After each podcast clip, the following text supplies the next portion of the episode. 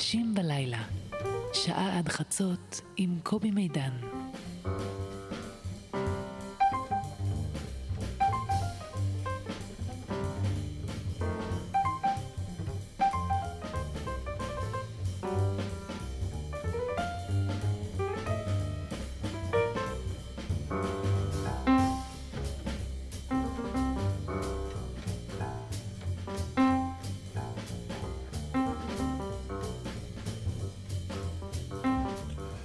טוב אנשים בלילה, עכשיו 11 ו-3 דקות.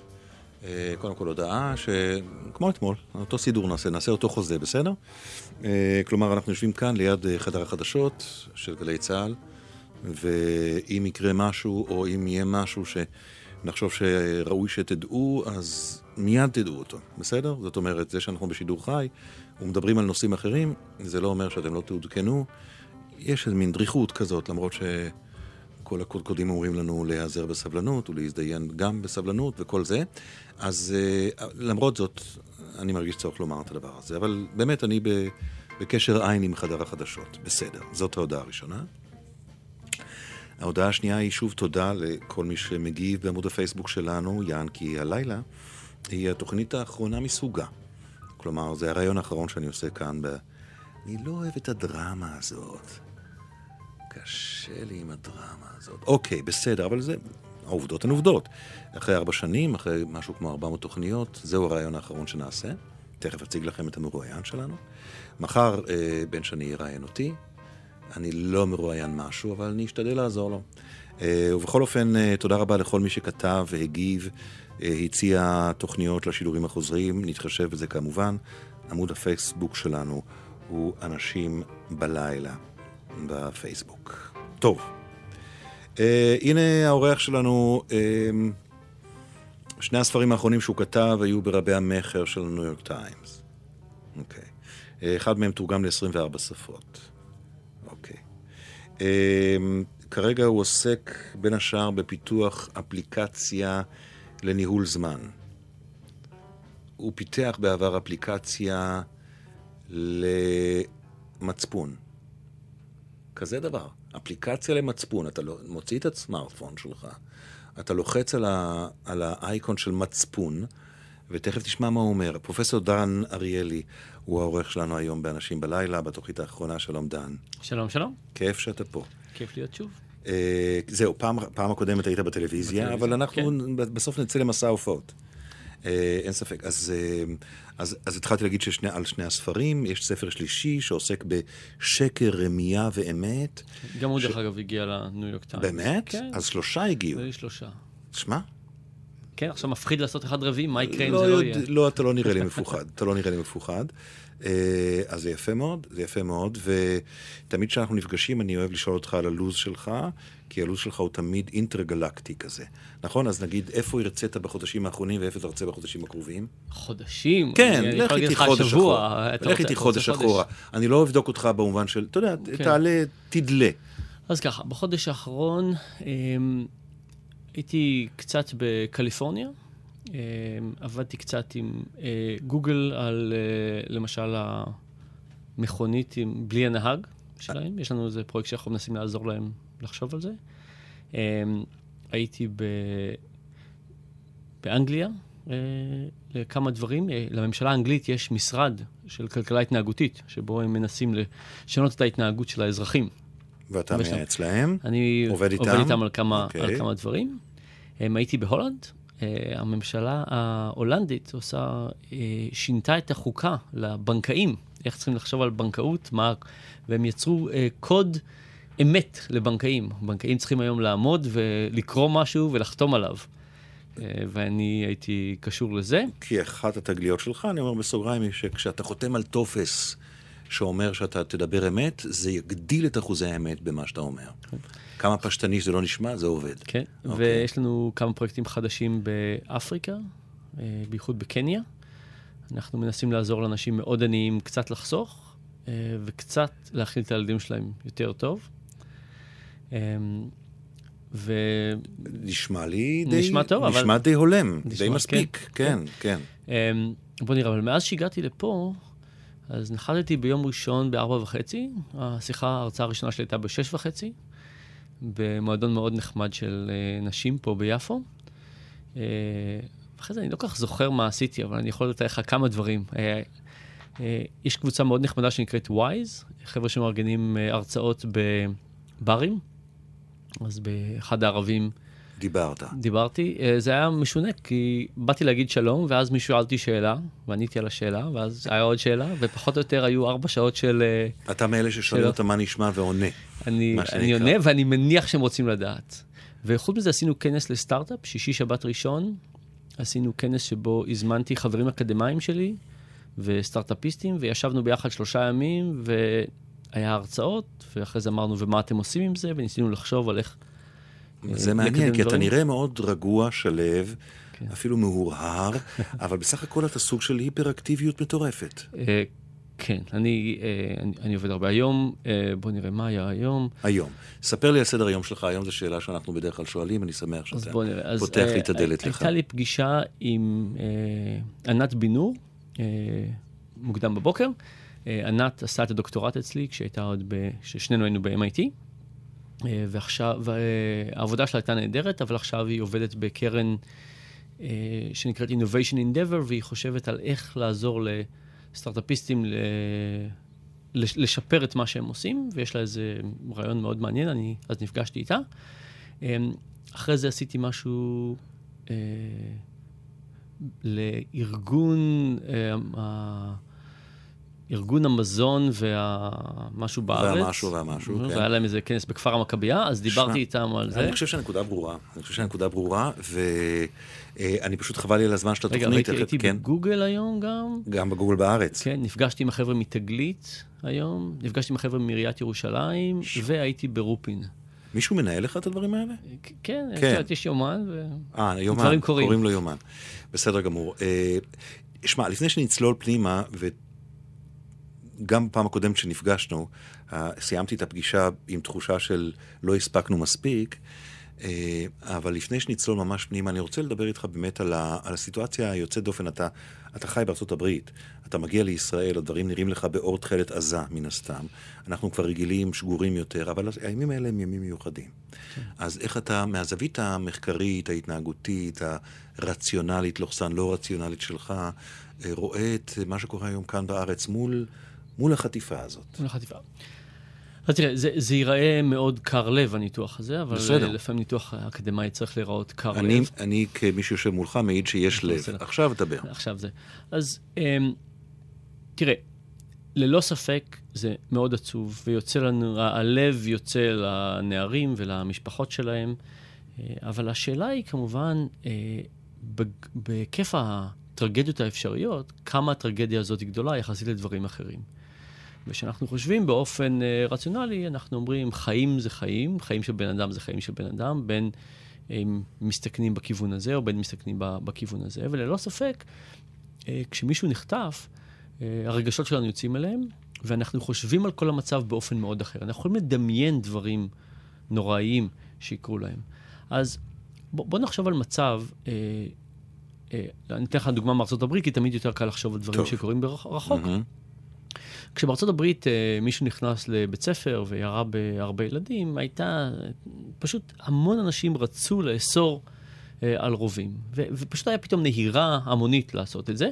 אבל הממשלה האמריקאית חיכתה יותר מדי זמן, וכשבאו עם הצעת החוק אה, חמישה חודשים אחרי זה, אני חושב, כבר לא היה לזה תמיכה. כלומר, מה שקורה זה שברגע שקורה משהו רע, וקורה למש, משהו רע למישהו עם פנים שרואים אותו, הלב שלנו יוצא ואנחנו מוכנים לעשות כל מיני פעולות. אז למשל, נניח שהממשלה הייתה רוצה לעשות איזה שהן פעולות בשטחים, זה פחות או יותר ההזדמנות פנטסטית בשבילה לקבל הסכמה מהציבור לעשות את זה. למה? כי עכשיו באמת אה, יש כאב, יש כעס, יש מוכנות להתנדב. אם מצד שני היה היום מחלה, בוא ניקח למשל סכרת, שיכולה להרוג הרבה יותר אנשים, אה, ואתה יכול לחשוב על חברת קוקה קולה מאוד מסוכנת אה, לחיים בארץ. אה, אף אחד, אף אחד לא ממש מגיב על זה ברצינות, כי זה לא מעורר את הרגשות שלנו.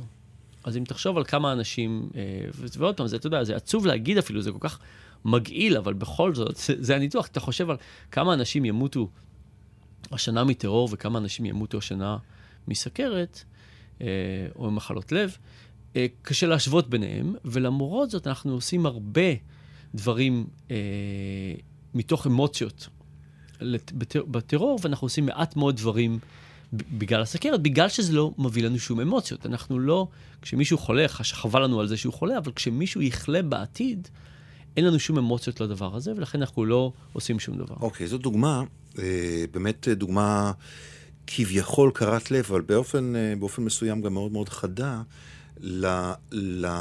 לזווית שלך, לזווית של התחום שאתה עוסק בו, ולזווית שלך, והיא אה, לא רק להגיד, הבן אדם הוא לא חיה רציונלית, אלא לנסות את הרציונל של ה... לנסות לנסח את הרציונל של אי הרציונליות.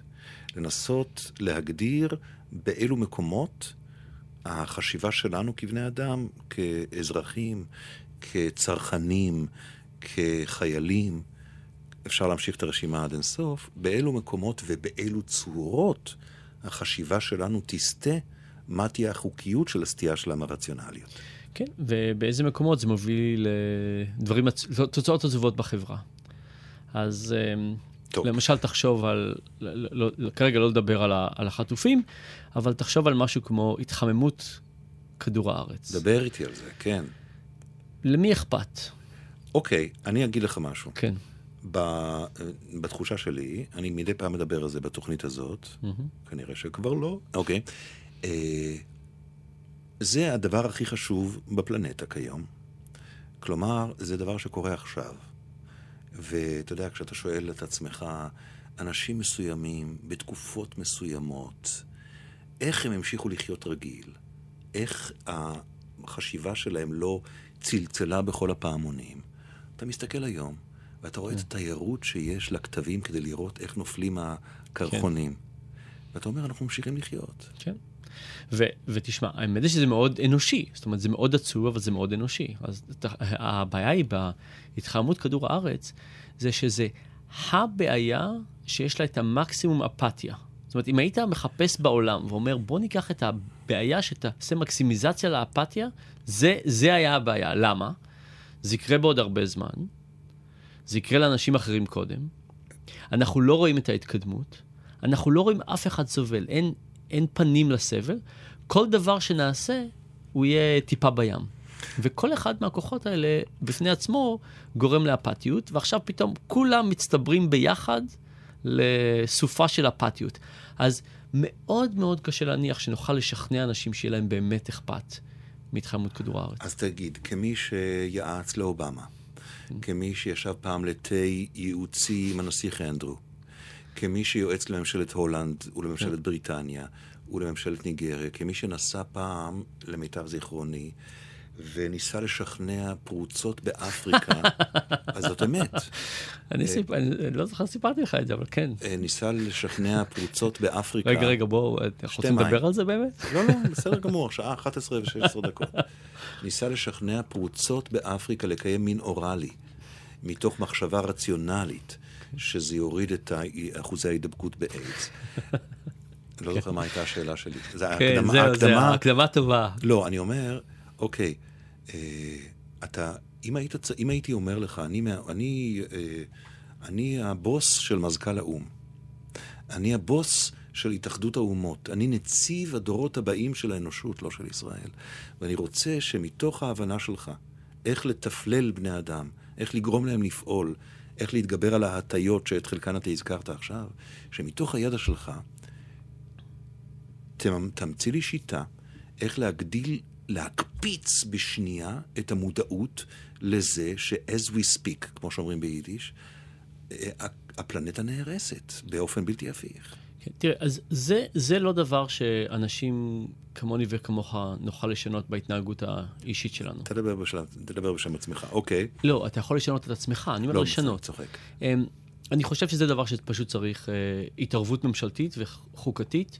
זאת אומרת, יש דברים שאנחנו יכולים לעזור אחד לשני. לשים פנדה, למשל, במפלים של הניאגרה, ולהגיד, כן. עוד זה, מעט לא יהיו לה מים. זה, זה, זה מאוד נחמד. דרך אגב, הניסוי הכי נחמד על זה, זה באוניברסיטת דארתמוט, עשו מין... אה, פולר בר כזה, דוב קוטב, mm-hmm. שיושב על קרח, זה היה, הוא על מחשב, okay. ישב על אוקיי. קרח על המחשב, mm-hmm. וכל פעם שהסטודנטים במעונות שלהם השתמשו בהרבה חשמל, הדוב הזה טבע.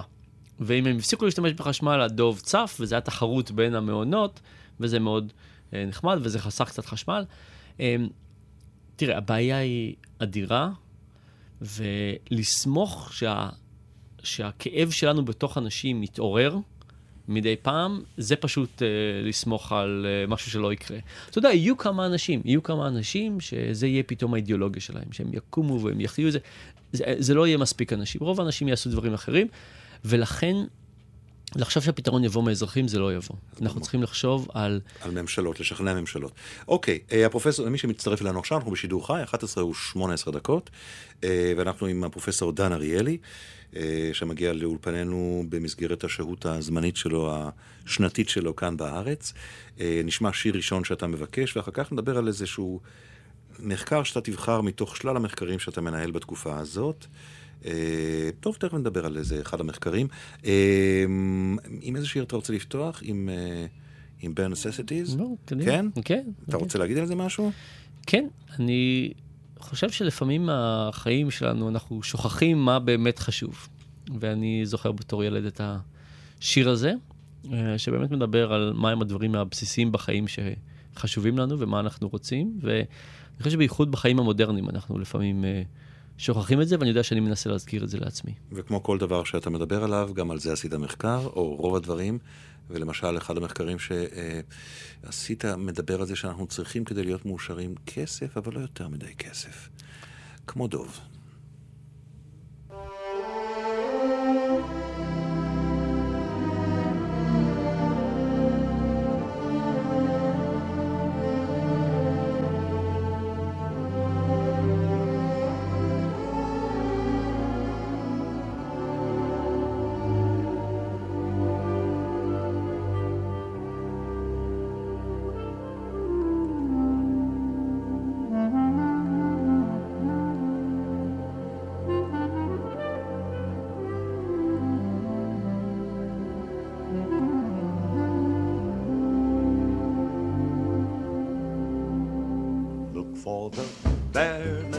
Necessities, the simple bare necessities. Forget about your worries and your strife. I mean the bare necessities or Mother Nature's recipes that bring the bare necessities of life. Wherever I wander, wherever I roam, I couldn't be found off my big home. The bees are buzzing in the tree to make some honey just for me.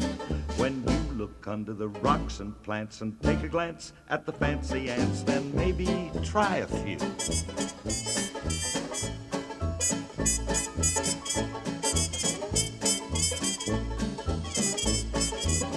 The bare necessities of life will come to you.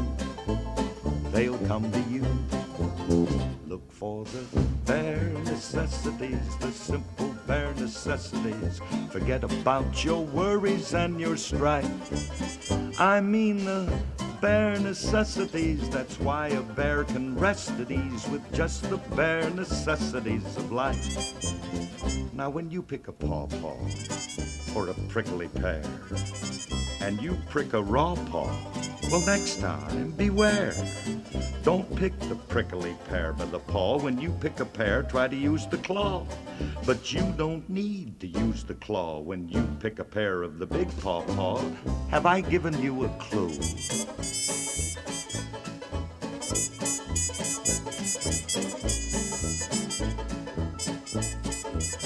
The bare necessities of life will come to you. They'll come to you. Mm-hmm.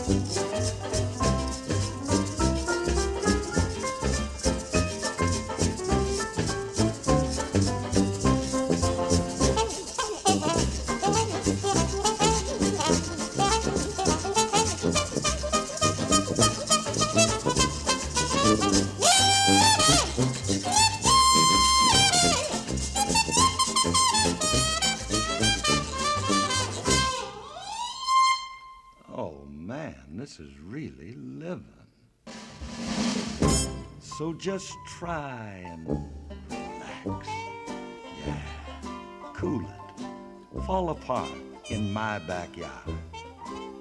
Because let me tell you something, little britches. If you act like that bee acts, uh-uh, you're working too hard. And don't spend your time looking around for something you want that can't be found. When you find out you can live without it and go along not thinking about it, I'll tell you something true. The bare necessities of life will come to you.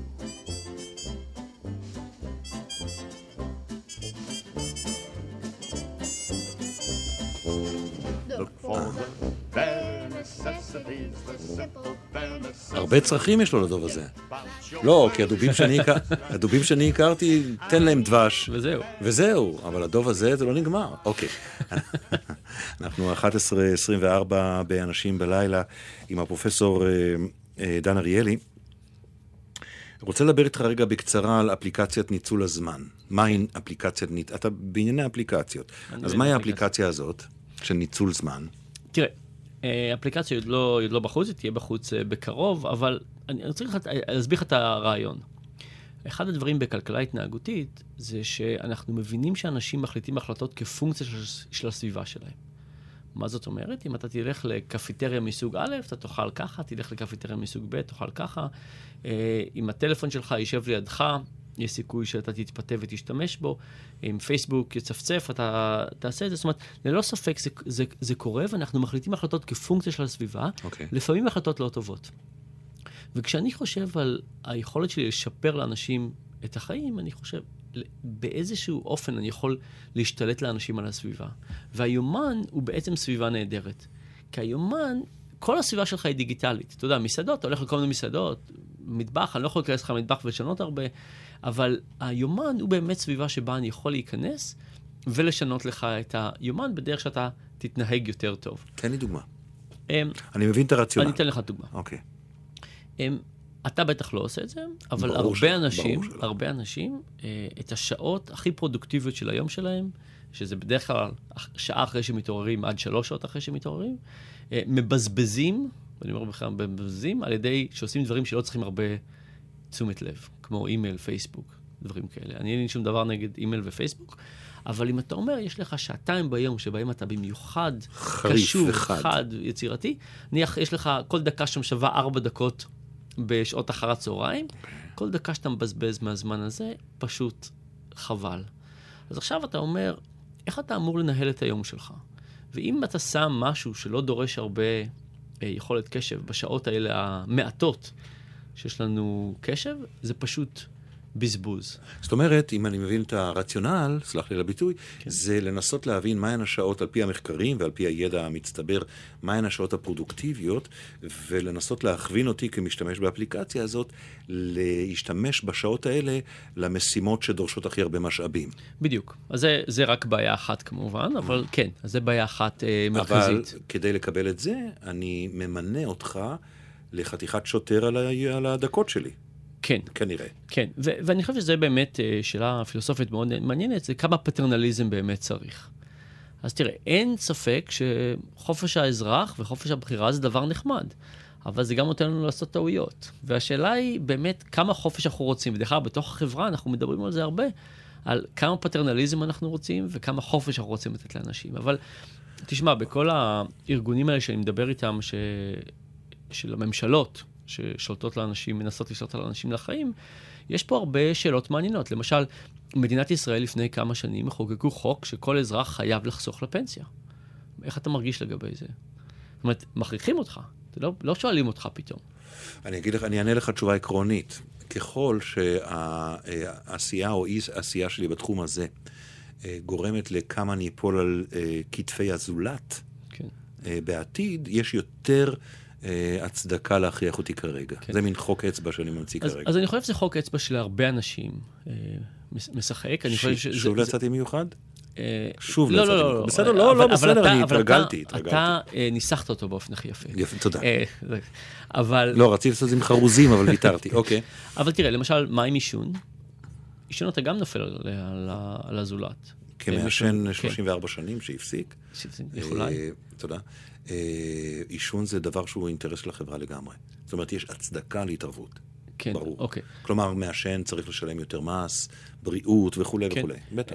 מה, מה עם שומן עודף? זאת אומרת, כמעט אין דברים בחברה שאתה אוקיי. עושה שהם לא באמת משפיעים על אנשים אחרים. אוקיי. ואתה יודע, ככל שהחברה נהיית יותר מעניינת ויותר מתקדמת, אנחנו יותר, ויש לנו יותר שירותי רווחה, אנחנו יותר אה, תלויים אחד בשני. אז, אז באמת, אה, מעניין להגיד מה, מה הגבול, מה הגבול למה שאנשים צריכים לעשות. ואני אתן לך דוגמה אחת אה, מאוד עצובה.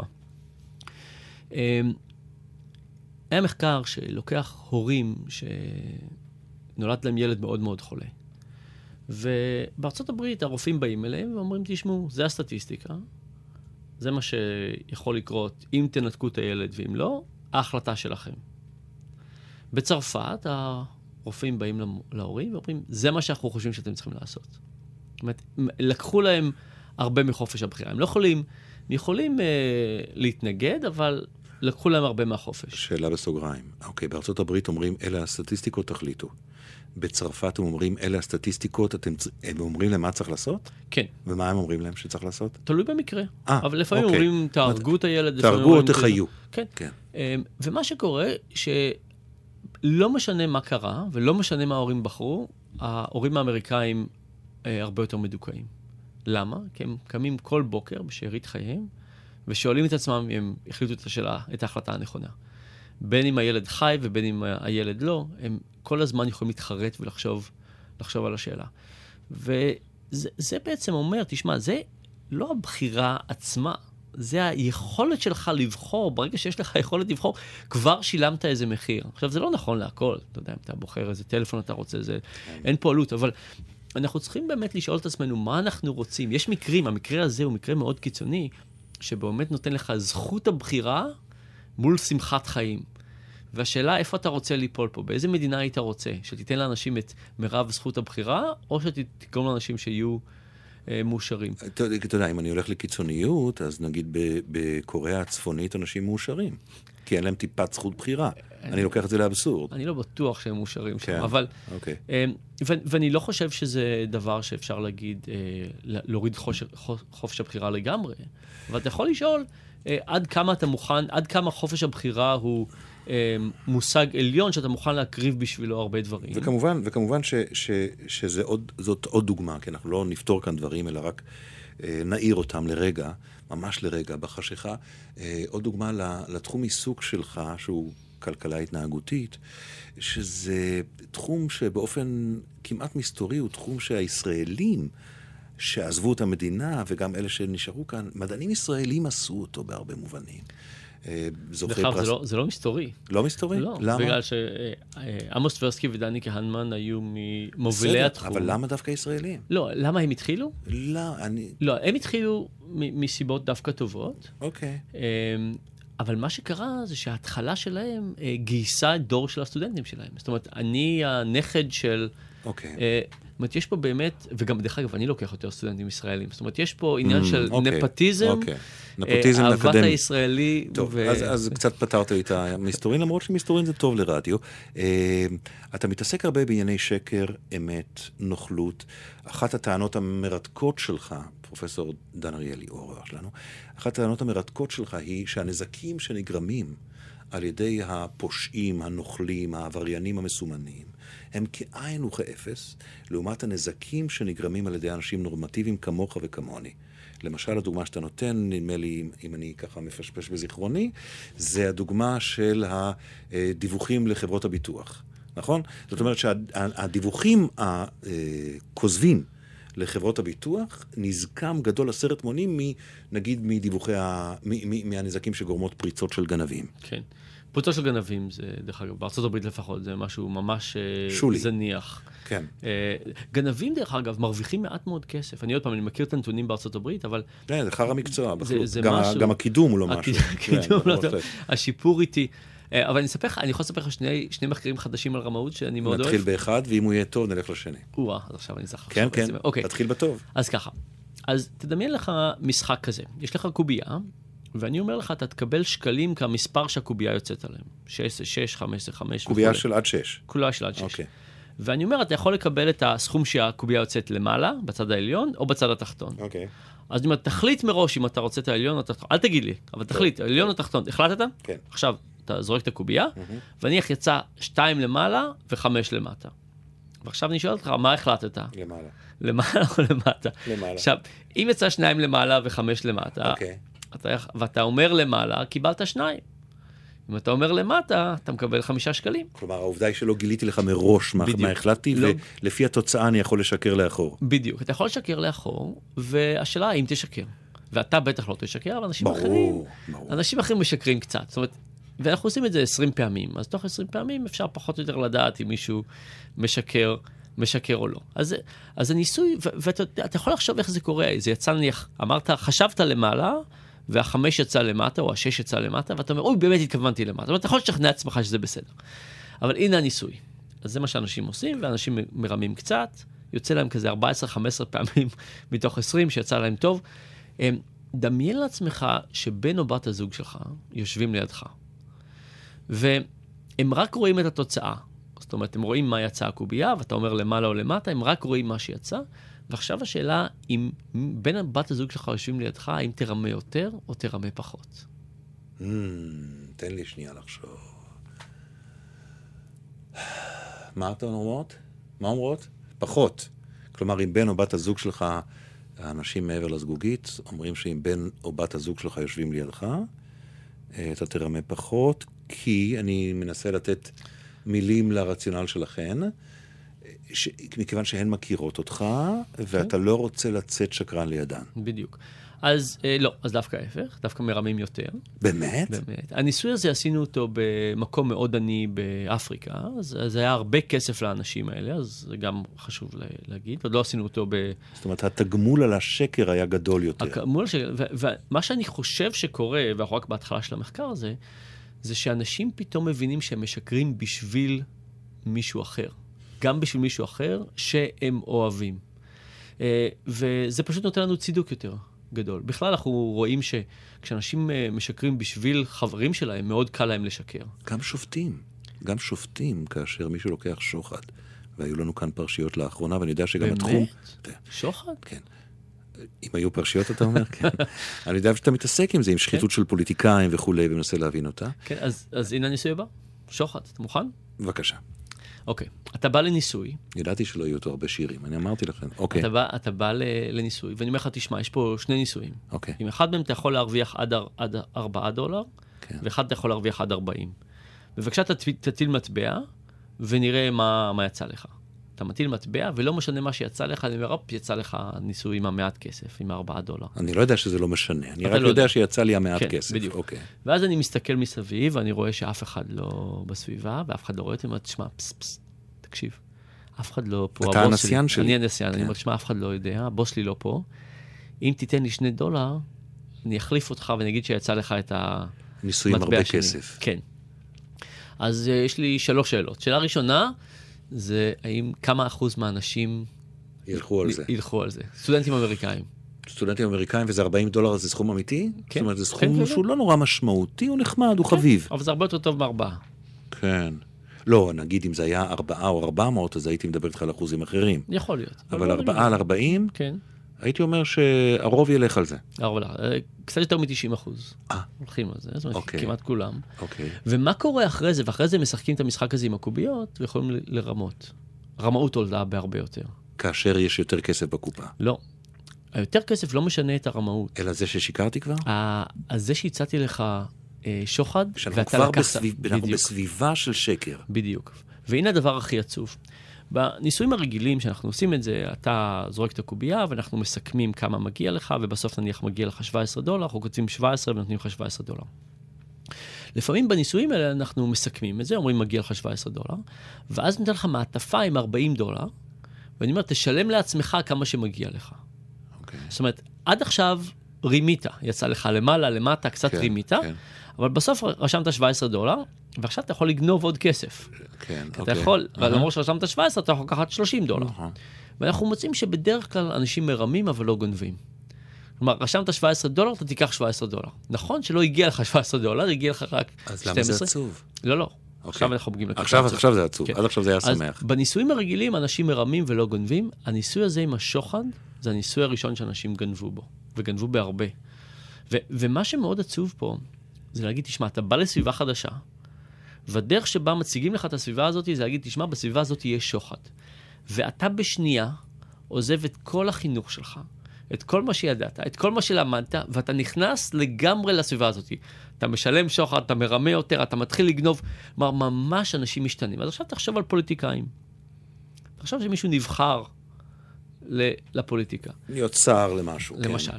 אתה נכנס לפוליטיקה, וביום הראשון קורה משהו. מישהו, איזה לוביסט נותן לך משהו, קורה משהו, אתה שומע על משהו. כמה מהר אתה מוכן לקבל את הרעיון שהסביבה הזאת היא סביבה שונה, עם חוקי עבודה מהר כאלה? מאוד, אבל זה לא מה שמעניין אותי. מעניין אותי יותר מה שנובע ממה שאתה אומר, והוא שאנחנו כאזרחים, ברגע שהפוליטיקאי מסמן לנו דרך החשיפה, השוחדית או האחרת, את הסביבה כסביבה שמשקרים בה וגונבים בה ומעלימים בה, הוא... השופטים צודקים במובן הזה שהם אומרים שהשוחד של פוליטיקאים הוא מסוכן לגמרי, הוא משחית את החברה כולה. זאת אומרת, אתה מוצא לזה. אסמכתה מחקרית לגמרי. יש לנו, ויש לנו גם מחקרים שמראים שכשמישהו אחד גונב, אנשים רואים אותו, הם גונבים יותר, אבל הח- החלק של הפוליטיקאים, ובייחוד השוחד, אני חושב, באמת נותן סיגנל חברתי. ותשמע, מה שקורה שאומרים, אה, אבל אנחנו מענישים אותם. העונש לא משחק פה כמעט כלום. מה שמשחק פה זה הסיגנל החברתי, שאומר שהרבה אנשים עושים את זה. וברגע שהרבה אנשים עושים את זה, אנשים מרגישים יותר טוב. אה, השבוע יוצאתי באחד העיתונים בארץ, ודיברנו קצת על רמאות, ואחד העיתונאים אה, פשוט אמר שלא, אין שום בעיה לרמות את מס ההכנסה. הוא אומר שהוא חושב שזה מצווה. עיתונאי. עיתונאי. אוקיי. אה, כמובן, לא... שם, לא. תעודת זהות? כן, אוקיי, כן. בסדר. אני, אני לא חושב שהוא היה היחידי, ואני חושב שהוא משקף איזושהי נטייה לגמרי, אזרחית. בהחלט. ודרך אגב, דיברתי עם כמה שופטים אה, שסיפרו לי שהם, אה, הי- היו להם מקרים שהם ויתרו על מע"מ אה, עם, עם אנשים שעבדו בשבילם. זאת אומרת, יש פה משהו שאתה, באווירה המושחתת, שאתה פתאום אומר, ו, ומה החוקים פה? והחוקים זה לא מה שמותר ומה אסור, זה עם מה אני מרגיש בסדר ולא בסדר. כי אם אתה חושב על מה מותר ומה אסור, זה הסיכוי שיתפסו אותי ויענישו אותי, ובאמת, אם אני מעלים מע"מ, בעצם מישהו סוג יתפוס... של אישור חברתי. בדיוק. טוב, תשמע, אני חייב לעשות, לעשות אה, גבול, כי הפורמט שלנו צועק ואומר, קובי, קובי. אה, למרות שבשמחה הייתי עכשיו ממשיך לך עוד שלוש-ארבע שעות ככה. אבל בוא נשמע שיר ו... ו... ונמשיך משם, בסדר? אה, שיר שני, פרופסור דן אריאלי הוא האורח שלנו, וזה שאנחנו אה, מפליגים לנו לפי תומנו בעולם מחקריו ומסקנותיו, אומר שגם אין, אין דברים אחרים, ב- אתה יודע, אתם יודעים, בתחומים ההם שצריך לחדש בהם. אה, סנטנה ביקשת, כלומר, סנטנה ויו-יו מה? כן. אה, יו-יו מה... אה, את שלן הקלאסי. שלן הקלאסי, כן. אה, ואני נפגשנו אה, כמה פעמים. אה, הוא בחור די מדהים.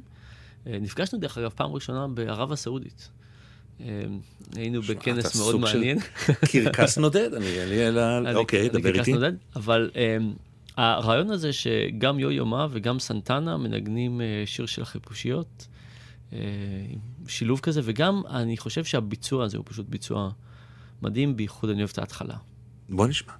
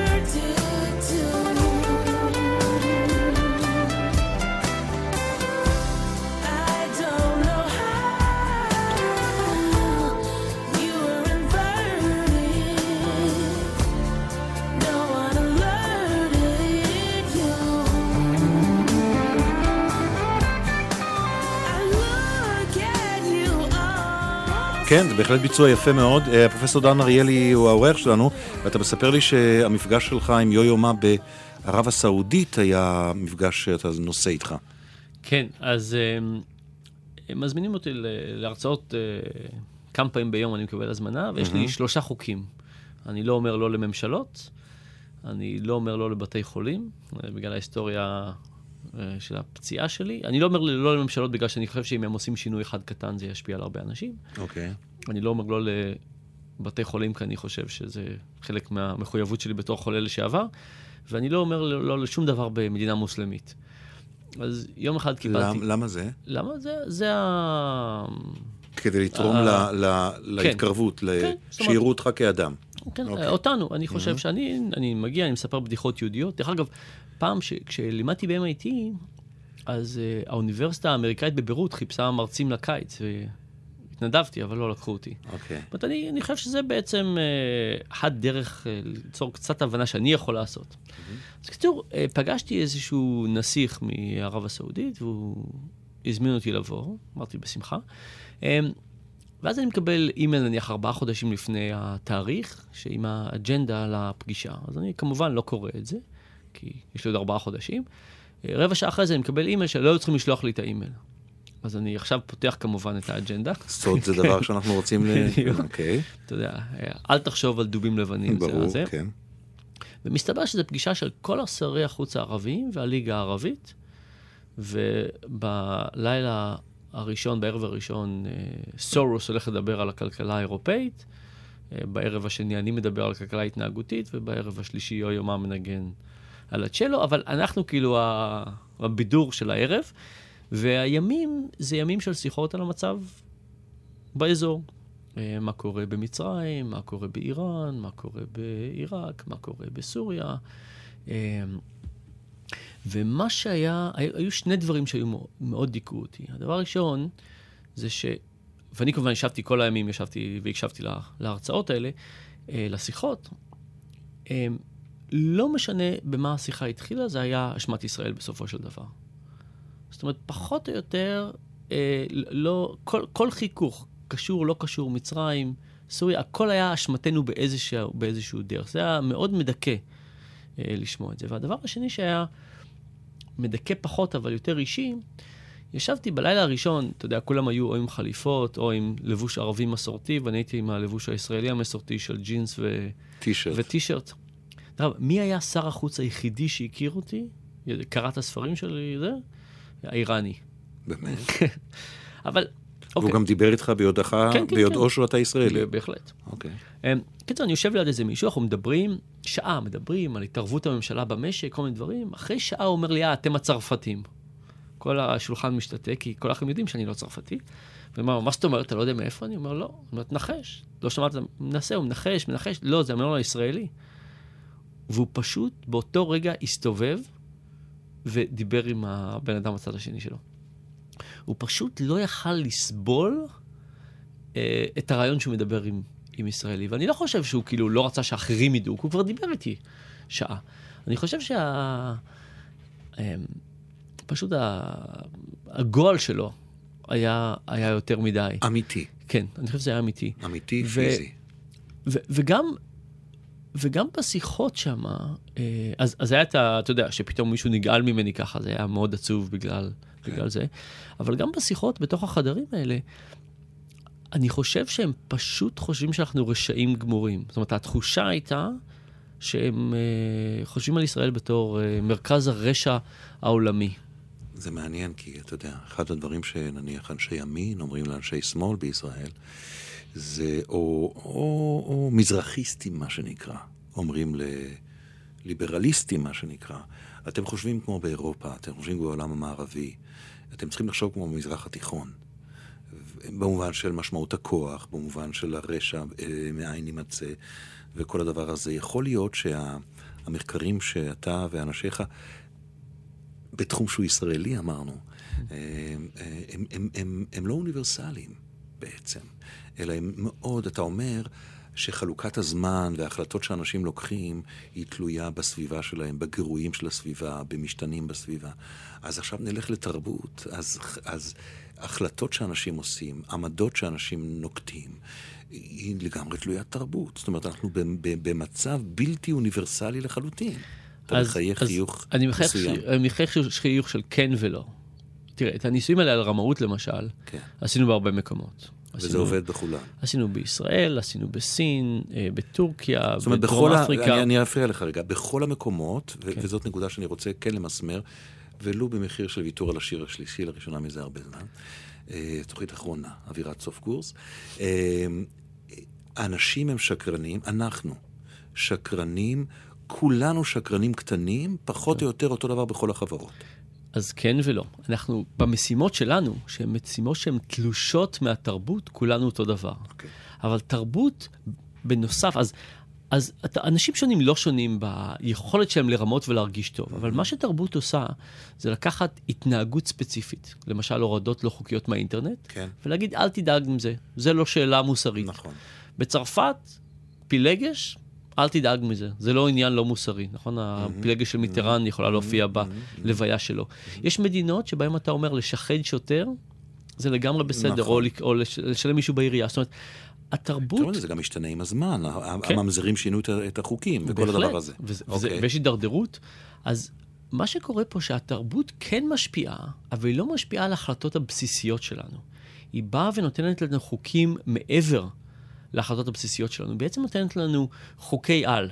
או תיקח את היפנים למשל. אתה זוכר את התקופה שבה היפנים היה להם את האסון אה, הגרעיני, והם עמדו בתור. ולא דחפו אף אחד, ואנחנו בתור ישראלים אמרנו, איך זה יכול להיות? אז אתה אומר, היפנים נראים כאן אנשים שיש להם הכי הרבה שליטה עצמית בעולם. אבל אם היית ביפן, ואתה היית הולך לבר ביפן, היית אומר, זה אנשים עם הכי פחות שליטה עצמית בעולם. כן. מה שקורה, שבה... הדברים הפומביים האלה, יש להם חוק חברתי שהוא בעצם הולך מעבר לחוקים האישיים שלהם, ובעצם הם לא מחליטים החלטות. הם פתאום במקום הזה אומרים, יש לנו כלל, ואנחנו פשוט עושים אותו. וזה הבדל תרבותי אדיר. אני רוצה לסמן את ה... אה, את ה... המחקר הכי אלגנטי שלך, לפחות שאני הכי נשאתי אותו איתי וסיפרתי אותו לאנשים, זה מחקר על הפלסיבו. שיודעים שכאשר אנשים אה, מקבלים אה, תרופה שהם חושבים שהיא תרופה והיא לא באמת תרופה, על 30 אחוז נדמה לי זה המספר, נכון? כן. זה עובד כאילו זה תרופה. כן. ואתה באת ואמרת, אוקיי, בוא נשים מחירים על התרופות. וגילית שכאשר המחירים יותר... גבוהים על התרופה, הפלסיבו, הפלסיבו, האפקט הזה הולך וגדל. כן. בעיניי זה, זה חזק מאוד, אז זה רציתי לסמן, אבל אני רציתי לשאול אותך שאלה כללית. כן. אנחנו ממש מקווים. רגע, אם אנחנו לא אה, שמים את השיר האחרון, אני יכול להגיד עליו רק משהו? כן. זה שיר, זה שיר, אה, כששאלת אותי מה אני רוצה... תשימו אותו ברקע, תשימו אותו ברקע, נדבר עליו, אוקיי. כן, אוקיי. הייתי, הייתי במצב רוח מאוד רומנטי, וזה שיר שילדה שמאוד אהבתי, אה, חילקה איתי לפני הרבה זמן. אוקיי. ובגלל זה הוא מאוד משמעותי. איזה שיר זה? Wicked Games? כן. אוקיי, אז נשמע אותו ברקע ונמשיך. לדבר. תראה, אתם אומרים, אנשים מהתחום שלך, אולי הפוסטולט, המוסכמה הבסיסית היא שאנשים הם יצורים לא רציונליים, ושלחוסר הרציונליות שלהם יש הרבה חוקים, אבל... יש הרבה חוקים, אבל... אוקיי, אני שומע, אתה לא, כי אני עם אוזניות. אה, קצת יותר חלש. אבל מצד שני, אני, אני שואל, יש גם את התחום הזה של חוכמת ההמונים, כן. שאומרת שאם תשים הרבה אנשים בחדר ותיקח ממוצע של התשובות שלכם או תס, שלהם, או תסכם את התשובות שלהם, אתה תגיע לחוכמה כדי אפילו משקלו של שור בהערכה של גרמים. לא אפילו, אני חושב שפחות או יותר רק למשקלו 아, של אוקיי, שור. אה, אוקיי, אתה נגד זה, אוקיי, הבנתי. תראה, אני, אני, תראה, יש פה עניין. חוכמת ההמונים זה משהו שאומר שאם אנשים יודעים פחות או יותר תשובה הנכונה, אבל יש להם רעש, יש להם רעש רנדומלי, אז הממוצע יעזור. אני מראה לך שאנשים פשוט טועים, וכולם טועים, ולעשות ממוצע שלהם רק יראה לך את הממוצע של הטעות. אז ענית לי, ענית לי, ובעצם לא שיש, שהם זה, שהתיאוריות משלימות זאת, אלא שאתה לא מקבל את התיאוריה הזאת, את התפיסה לא, לא. הפילוסופית לא, הזאת. לא, לא, אני לגמרי מסכים שזה פשוט דבר פנטסטי. חוכמת ההמונים, אם אתה רוצה לעמוד את מחיר, את משקלו של השור, אחד, בסדר. זה, זה פנטסטי. בכל שאר הדברים לא. גם מטבעות, כמה מטבעות יש בזה, זה גם טוב. הבנתי, אתה יודע, הבנתי אותך כבר לפני דקה וחצי לפחות. בסדר גמור. אמ, טוב, אה, שוב תם זמננו, אה, טרם זמנו. תם זמננו, ולא הספקנו לדבר על המון אנשים, למשל על השאלון של ההיכרויות שהצבת, ולא משנה, ועל האפליקציה של המצפון שאתה נכון. שותף לה, אבל אנחנו נגיע לשאלון עכשיו, ברשותך, וזה שאלון שאנחנו אה, עושים בסוף התוכנית כאן, לך איתי, בסדר? אוקיי. Okay. אוקיי. Okay. מכל המקומות בעולם שהיית בהם, והיית בהרבה מקומות, פרופסור דן אריאלי. אם היית היום יכול וגם חייב לקחת את משפחתך ואהוביך, אשתך ושני ילדיך, נכון? כן. ולחיות חצי שנה קבוע במקום אחר בעולם, מה היה המקום שהיית בוחר? אה, אני חושב שהייתי בוחר את ריו. אה, אני מאוד אוהב את, ה, את העיר הזאת, אני חושב שהיא מאוד... אה, מעניינת ומגוונת תרבותית. אני חושב שברזיל באופן כללי זה ארץ שמקבלת את כל הגזעים והמינים. זה, ב... זה חזק מאוד עכשיו, אפרופו, הבנתי שאתה נוסע גם למונדיאל. אני נוסע למונדיאל. בלי שאתה אוהב כדורגל. תשמע, לא, לא באמת. לא באמת, הייתי, okay. ב, אוקיי. הייתי באיזה כנס, מישהו, זה האמת זה סיפור נחמד, מישהו ביקש שאני אבוא לאיזה כנס, והחלטתי, עשיתי לו טובה, אמרתי כן. באותו ערב שהגעתי לשם אמרתי, למה, למה עשיתי את זה? כן. נתתי את ההרצאה שלי, אני מתיישב ליד מישהו, אה, ברזילאי, אומר לי, איך אני משכנע אותך לבוא לברזיל? אמרתי לו, תשיג לי כרטיסים. אוקיי. אז השבוע האחרון של המשחקים, יש לי כרטיסים. איזה כיף לך. טוב, אה, חלומות, אתה זוכר? חלומות לא. תשמע, כשנפצעתי, נגיד בסוגריים, נגיד בסוגריים שאתה בגיל 17 בערך, כן. אה, נשרפת, נכווית כוויות של 70 אחוז, כמעט מטה, ואתה נושא את הצלקות כן. של הכוויות עד היום, ואת כן. הכאבים גם. אה, הרבה הרבה פחות כאבים, אבל יש לי עדיין כאבים. טוב שכך. אבל בהתחלה פשוט הפסקתי לחלום עליי. אחרי זה הייתה תקופה שחלמתי רק על הציוד בבית חולים. זאת אומרת, אני כאילו לא הייתי, אבל היה את הציוד של בית החולים מסביבי, ומתישהו פשוט הפסקתי ל... לככב בח... בשום חלום. מעניין. ואז, ואז הפסקתי לזכור חלומות. אני סוג... מניח שעדיין יש לי, אבל אני פשוט לא זוכר כלום. זה, זה באמת סוג של, אה, אתם יכולים לרוץ עם האימהות שלנו, זה באמת סוג של התחלה של תוכנית אחרת, אה, מה, ש, מה ש, אמרת עכשיו.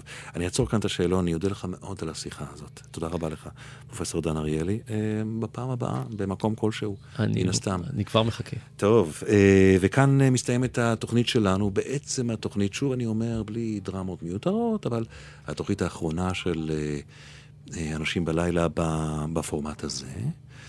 אתם מוזמנים להקשיב לנו ולשמוע אותנו גם בפייסבוק וכולי.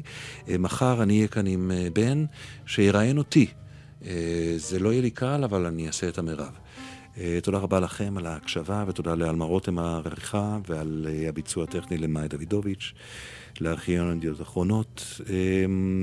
שוב, מחר ניפגש בתוכנית הסיום החגיגית, אנשים בלתי חגיגיים שכמונו. לילה טוב, אנשים בלילה.